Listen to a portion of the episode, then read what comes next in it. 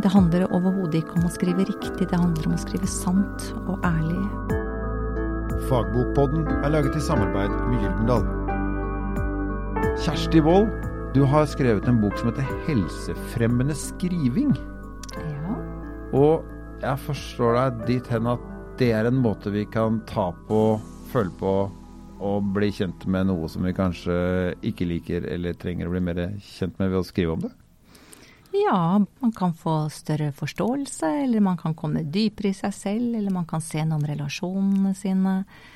Ja, det er på en måte et sånt kikkeglass da, inn i seg selv. Og, eh, og tanken er jo at det man finner, kanskje kan være bevisstgjørende og klarhetsskapende da, i forhold til bl.a. egen helse. Men kan det være skremmende? Eh, det tror jeg. Hvis man eh, virkelig går, går, til det. Hvis man, hvis man, virkelig tør å gjøre dette? ja. ja. ja hvis, man, hvis, hvis, man, virkelig tar selvavsløring på alvor, så kan det jo være fryktelig skummelt. For det, vi vil jo gjerne ikke dit. Og i boka så omtales jo dette fenomenet SOS, altså disse krisene vi kan komme i, som er da skilsmisse, oppsigelse, eh, sykdom. Ja. Eh, SOS. Eh, og det er jo ofte da vi blir satt i bevegelse, at vi er villige til å våge litt mer. Ja, For da er vi på en måte jaget av noe som, er, som vi mister kontrollen på? Ja. ja. Det er i den oppjagetheten at vi kan finne dybder og forståelser men, på nytt. Men, men, sier du nå at det For, dette, dette, for det, da tyder det på at vi må gjennom sånne ting for også å oppdage og få, få noe berikelse òg, Altså hvis vi har det for behagelig, som vi kanskje egentlig ønsker oss å ha det sånn i forsøket, så, så mister vi noe? Ja, jeg tror at vi veldig ofte søker det som er eh, behagelig. Og eh, det er først når ubehaget kommer at vi våkner. Og da kan f.eks. det å skrive være en vei til å til å få perspektivet på det. Men hvis vi kan unngå det, så lenge vi på en måte hvor, hvor alt flyter og livet virker ubesværlig, så, så, vil vi som regel ikke dit. Nei, men det er, men det er jo et paradoks da. Fordi at hvis, hvis man tenker tenk til, for Alle mennesker opplever noe som de ikke mm. er ålreit i løpet av livet. Men hvis du tenker oss et en hypotetisk tilfelle, da, en person som bare flyter gjennom tilværelsen uten noen gang å, å ha måttet grave dypt. Mm. Eh, så er det et fattigere menneske ved livets ende enn en som har kjempa?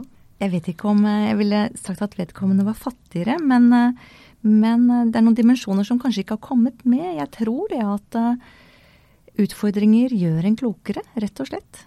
Ikke dermed sagt at det er noe automatikk i det. Fordi man kan jo også belastes med veldig store og voldsomme Kan bli ødelagt òg? Ja, jeg ja. tror man kan knuses også. Så, mm. så det er ofte er vanskelig å gi noe sånn veldig eh, entydig svar på det. Men jeg opplever i hvert fall at jeg, når jeg møter mennesker som har eh, på en måte vært ute en vinternatt og stått i stormen og, og, og, og sett noen ting da, som gjør kanskje at de blir litt mindre selvhøytidelige, eller har fått noen nye verdier, eller opplevd det som også i boka omtales som posttraumatisk vekst så tenker jeg oi, så berikende å treffe det mennesket. Men den som bare har glidd igjennom, kanskje ikke jeg ville blitt så engasjert i.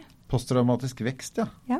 Jeg, nå syns jeg liksom du skulle si stressyndrom, men altså det du sier er at uh, man, kan, man ja. kan, bygge opp noe som, på, som følge av en erfaring og en slags styrking av, av seg selv. Ja, og uh, jeg må ta litt sats jeg også når jeg sier vekst istedenfor stress. For det, mm. det, er jo selvfølgelig den stressende delen av det å ha traume som, har, som det har vært mest fokus på. Men, men de, siden ja, begynnelsen av 90-tallet så har det vært forsket en del på hva kriser og motgang også kan tilføre. Mm. Og uh, det kan være sideløpende med, med posttraumatisk uh, stressyndrom eller lidelse. Så, så, men det kan være en reorientering, det kan være nye perspektiver, det kan være Ja, at uh, noe av dette man har bygd opp som en slags sånn jeg-struktur, som handler om å komme seg frem i verden. At det plutselig ikke er så viktig lenger. Mm. At det er noen andre ting som ja, teller mer. Begynne å se verdier som man ikke visste var der. Ja. Det er veldig vanlig at folk sier etter alvorlig sykdom at de sier at hvis jeg ikke hadde opplevd dette, så hadde jeg ikke sett hva livet mitt egentlig var. Altså, de er sånn opptatt med gjøremålene, og så skjer det noe dramatisk, og så plutselig så ser de alle verdiene i ting rundt seg osv. Og, så og det er nærmest er takknemlig for det. Ja, altså vi, vi, spinner jo mye rundt i dette hamsterhjulet, og, og, når man slynges ut av det og står der eh, naken og forvirra, og, og nå er det ikke noe å spinne rundt i lenger, så, mm. så kan det jo gi noen eh, helt nye måter å forholde seg til verden på. Og jeg tror ikke man skal forskjønne det eller forherlige det, fordi at selv har jeg vært gjennom en, en ganske barsk kreftperiode, og, og, og, på sett og vis så skulle jeg gjerne vært den foruten. Men, men, men samtidig tror jeg det er viktig å, å, å balansere bildet med også det som man har ja, den berikelsen som også kan ligge i det å virkelig ha det vanskelig. Mm.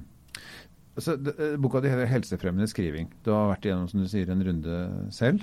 Uh, du, har skrevet, du, har skrevet, 20 bøker. Dette er 20. boka di. Mm. Du er en produktiv dame. Uh, gjør du det selv? Om jeg skriver selv? Ja, For, altså, for egen helses del? Ja, ja. Drives, drives, du av på en måte ditt eget tema? Uh, ja.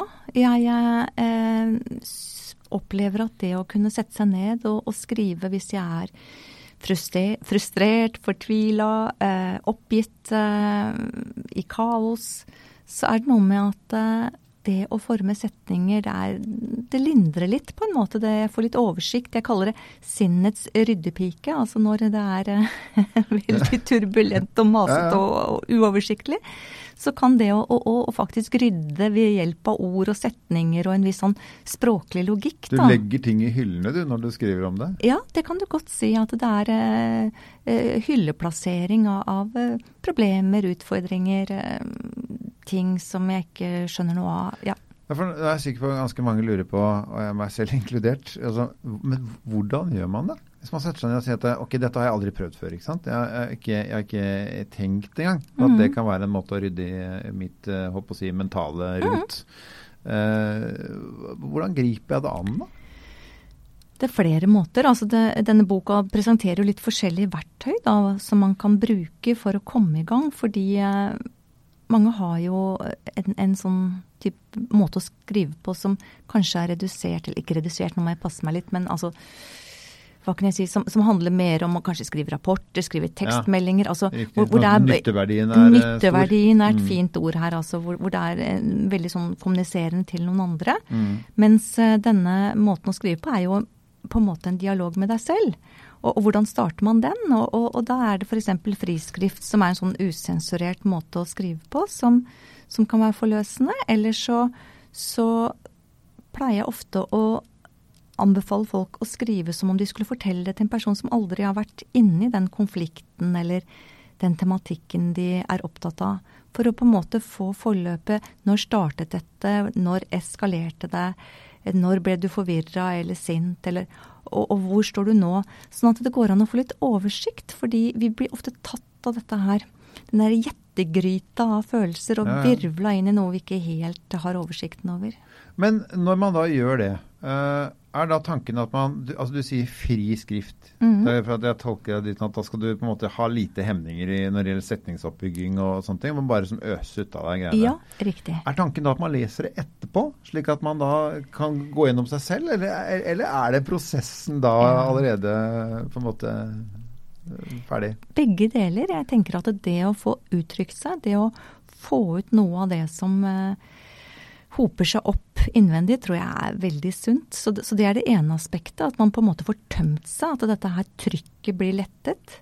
Eh, det andre er at man kan bruke det som dokumentasjon. altså Hvis man vil se en prosess over tid, så kan man bla tilbake hvis man sparer på det. Men noen gjør jo ikke det. Det er også skrivepedagoger som anbefaler at man river i stykker eller aldri leser. Så, så det er litt avhengig av hva man vil med det. Men la oss si at man er i en eh, f.eks. en skilsmisseprosess, da, og, og, og Eh, er veldig fortvila over det som skjer, så går det jo an å også for sin egen del å dokumentere gang, litt gangen i det. Hva som rent praktisk skjer, og ikke minst hva som følelsesmessig skjer, og, mm. og relasjonsmessig. Det være til partneren eller til barn eller svigerfamilie eller hva det nå enn er. Og fordi Da høres det plutselig ikke helt ut som dagbok, men litt som dagbok. Og på en måte, i hvert fall den ja. verdien det kan ha for folk. da. De på en måte går og ja. snakker med, Noen skriver dagbok som om de snakker ja. med noen òg. Eh, men eh, kan man oppleve at det blir veldig sånn, at det blir så privat at det blir nesten litt sånn krise hvis noen andre skulle få tak i dette?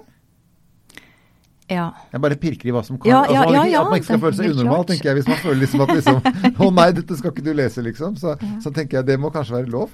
Ja. Ja, ja men det tror jeg. Og, og, jeg, og, og ja, man må passe på de filene man, hvis man skriver på data eller, eller man, de papirene, at ikke de Mm. flyter rundt. Og jeg har jo også jobbet med dette her med å skrive livshistorier, og jeg anbefaler folk å tynne ut og brenne og kaste og sånn. hvis, hvis det er noe man ikke vil at andre skal se. Altså det å skrive skal være et veldig, veldig trygt sted å, å gå til. og Anne Frank sa jo at arket har god tid, og det Ja. er noe med at det verken er noen fordømmelse eller gode råd eller eh, fiffige innspill eller noe som helst. Man bare tømmer ut det som er, og så får man oversikten, eller i hvert fall man kan eh, kikke på det og se at ja, men nå gjentar jeg meg selv, eller dette her var noe som jeg også var i for ti år siden, eller eller eh, kjære vene, her får jeg jo tak i noen kvaliteter og ressurser som jeg så lett blir blind på. Så det er ikke bare det dårlige, det handler jo også om å, å finne eh, noe som funkler og, og tindrer i dette her også. Må jo rydde i det som er bra òg. Ja, i hvert fall få det fram eh, under kleshaugen og andre ting. Ikke sant? ja. Eh, men sånne helt konkrete ting, så, så eh, viser det også til eh, forskning som, som at det påvirker, sier at det påvirker immunforsvaret ditt. Ja. At, at, du kan, at du kan oppleve å få økt overskudd osv. Ja, det er veldig spennende. Og det var på en måte sånn den lille kimen for 20 år siden til denne boka. Det var kjennskap til denne amerikanske psykologen James Pennebaker, som, som da har gjort eh, vedholdende og veldig overbevisende forskning på, på forholdet mellom det å kunne uttrykke seg om vanskelige erfaringer og eh, immunforsvar. Altså at eh, immunforsvaret styrkes hvis man da skriver om ting som er vanskelige. Så har jeg lyst til bare å spørre deg om du har tenkt på en parallell, for den sitter altså kunstnere Mhm. opp gjennom verdenshistorien. Mhm. Altså det er, hvis du, Særlig hvis du hører på musikk, da. Mhm. På populærmusikk, for den del. Det er jo nesten ikke en låt vet du, som ikke handler om sorg og smerte. Mm. Altså Som ikke er på en måte drevet av et, eh, et menneske med, med masse følelser som Mm. det mennesket bare må ha ut. Mm. Er det dette kunstnere har holdt på med i alle år? Ja, altså de har vel omskapt det da, til, Mm. til noe annet. Og, og, og jeg tror at eh, mange av disse vriene og oppskakende følelsene vi har, eh, og situasjonene vi kan oppleve, de, de er jo allmennmenneskelige, og vi trenger å få de speilet. og og, og kanskje som i antikken, altså hvor man da gikk i teater, det gjør man for så vidt i dag også, men dette her katarsisbegrepet stammer jo tilbake til dette med å, å, å kunne se andres lidelse utspille seg, eh, gjør at man da på en måte gjennomlever eller forstår noe eller får renset noe i seg selv. Så, så kunstnere, ja, de har holdt på med dette. Og noen kunstnere vil jo ikke heller gå inn og, og se på det personlige aspektet av denne smerten, fordi at da er de kanskje redd for at de mister skaperkraften sin. Ja, eller, blir, eller tar seg selv i å være for nakne i det offentlige rom?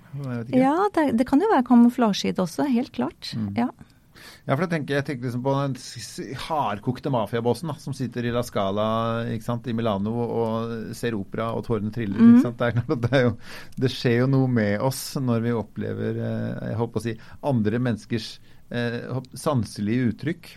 Det kan jo virke Ja. godt på oss. Ja, det er, jo, det er jo forunderlig og, og flott at, eh, at eh, ja, f.eks. en litt sånn eh, hardbarka, hardkokt fyr da, kan bli sentimental eller rørt eller hva nå han blir. Så, så ja, vi, vi, vi trenger følelseskontakt enten via andre mennesker eller, eller kunst.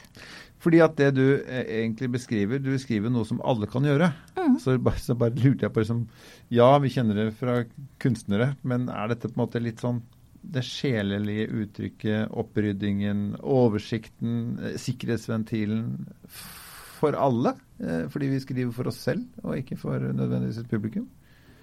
Vi trenger ikke kvalifisere oss, da. Vi kan bare gjøre det. Jeg, tror at det å uttrykke noe, særlig hvis det er påtrengende besværlig av en eller annen grunn, eh, er eh, noe som ligger dypt i oss mennesker, å å- å på en måte få det ut. Om det er via tale eller skrift, er i og for seg det samme. Eh, Det man trenger når man skal snakke, er jo gjerne da ja, jeg snakker med meg selv, da. Ja. Høyt. Ja, Alle tror jeg, jeg bare også- snakker i mobiltelefonen. Helt, mobiltelefon. helt, helt alene i garasjen, snakker hele tiden. Så- Du er ikke alene. så, men, men, eh, men utover det så, så trenger man jo gjerne en samtalepartner, og det er ikke alltid de er tilgjengelige. Og som du var inne på, noen ganger så er det ting som er pinlig, skammelig, noe man ikke vil vise til andre. Og da er det jo veldig deilig å kunne gå et sted, som da heter papiret, med det. Eh, fremfor at man tenker etterpå oi, gikk jeg for langt, og nå vet den om det, og Ja. Konsekvenser. Ja, konsekvenser, ja. ja. Du får jo ikke det. Arkene var jo blanke før du kom. Det var på en måte Nei, men det er jo, hvis du holder det for deg selv i tillegg, så er, Ja. det blir jo bare ditt, da. Ja, men så er det jo det noe med at eh, Jeg tror jo at vi kan vokse på å, å, å innrømme feil, se mønstre vi sitter fast i. Eh, se på relasjoner som har stoppa opp, eller hva det nå enn er. At det, vi alltid kan være i en læring da, i forhold til eh, selvforståelse, og at det, at det ligger mye god helse i nettopp den selvforståelsen. Men skjønner du at en sånn at en eh, litt sånn eh, antilitterat, da, eh, en som ikke er så god på å skrive, tenker at er ikke dette At det kan, kan være vanskelig? At man sitter og blir mer opptatt av selve skrivingen enn Ja. av hva man skal si, på en måte? Mm. Ja, det, det er klart eh, man kan ha minner fra skoletid, eller ha noen forestillinger om seg selv at jeg er ikke god til å uttrykke meg skriftlig osv. Så, videre. så når jeg holder kurs, da, så er jeg veldig opptatt på å komme over den barrieren hvis den skulle være der. Fordi eh, det handler overhodet ikke om å skrive riktig, det handler om å skrive sant og ærlig og uten stengsler. For jeg tenker på liksom en, en sammenligning som jeg tenker på. Da. Det er sånn, alle barn kan tegne, Mm. men på et eller annet tidspunkt så kan nesten ingen tegne lenger. Ja, det og det er jo den eh, sosiale greia vår. som Selvvurderingen, å- ja. Sant? Og Mm. kravet til at vi kan ikke tegne Mm. sånn som unger, liksom. Må jo komme oss videre her. Mm. Og så er vi ikke flinke nok, og så Ja. krasjer ferdighetene med hva vi ønsker å tegne, og så tenker vi at nei, vi kan ikke, nei, dette går ikke an. Mm. Så slutter vi. Og litt Ja. sånn kan det være med skriving òg. Ja, og, og, og jeg har jobba mye med å, å få mennesker til å bli flinkere til å skrive. Altså sånn mer på inspirasjonsplan, verktøykasse osv. Men nå har jeg liksom kommet dit, da. Som en, kanskje en del av min posttraumatiske muligvis vekst. At uh, jeg syns det er viktigere å få mennesker til å være ærlige og ikke flinke. Så det er liksom en del av dette helsefremmende skriving-prosjektet. Sier en dame som har skrevet 20 bøker. Kjersti Wold, tusen takk for at du kom. Tusen takk for at jeg fikk komme. Takk for at du lånte øre til Fagbokpodden, som er laget i samarbeid med Gyldendal.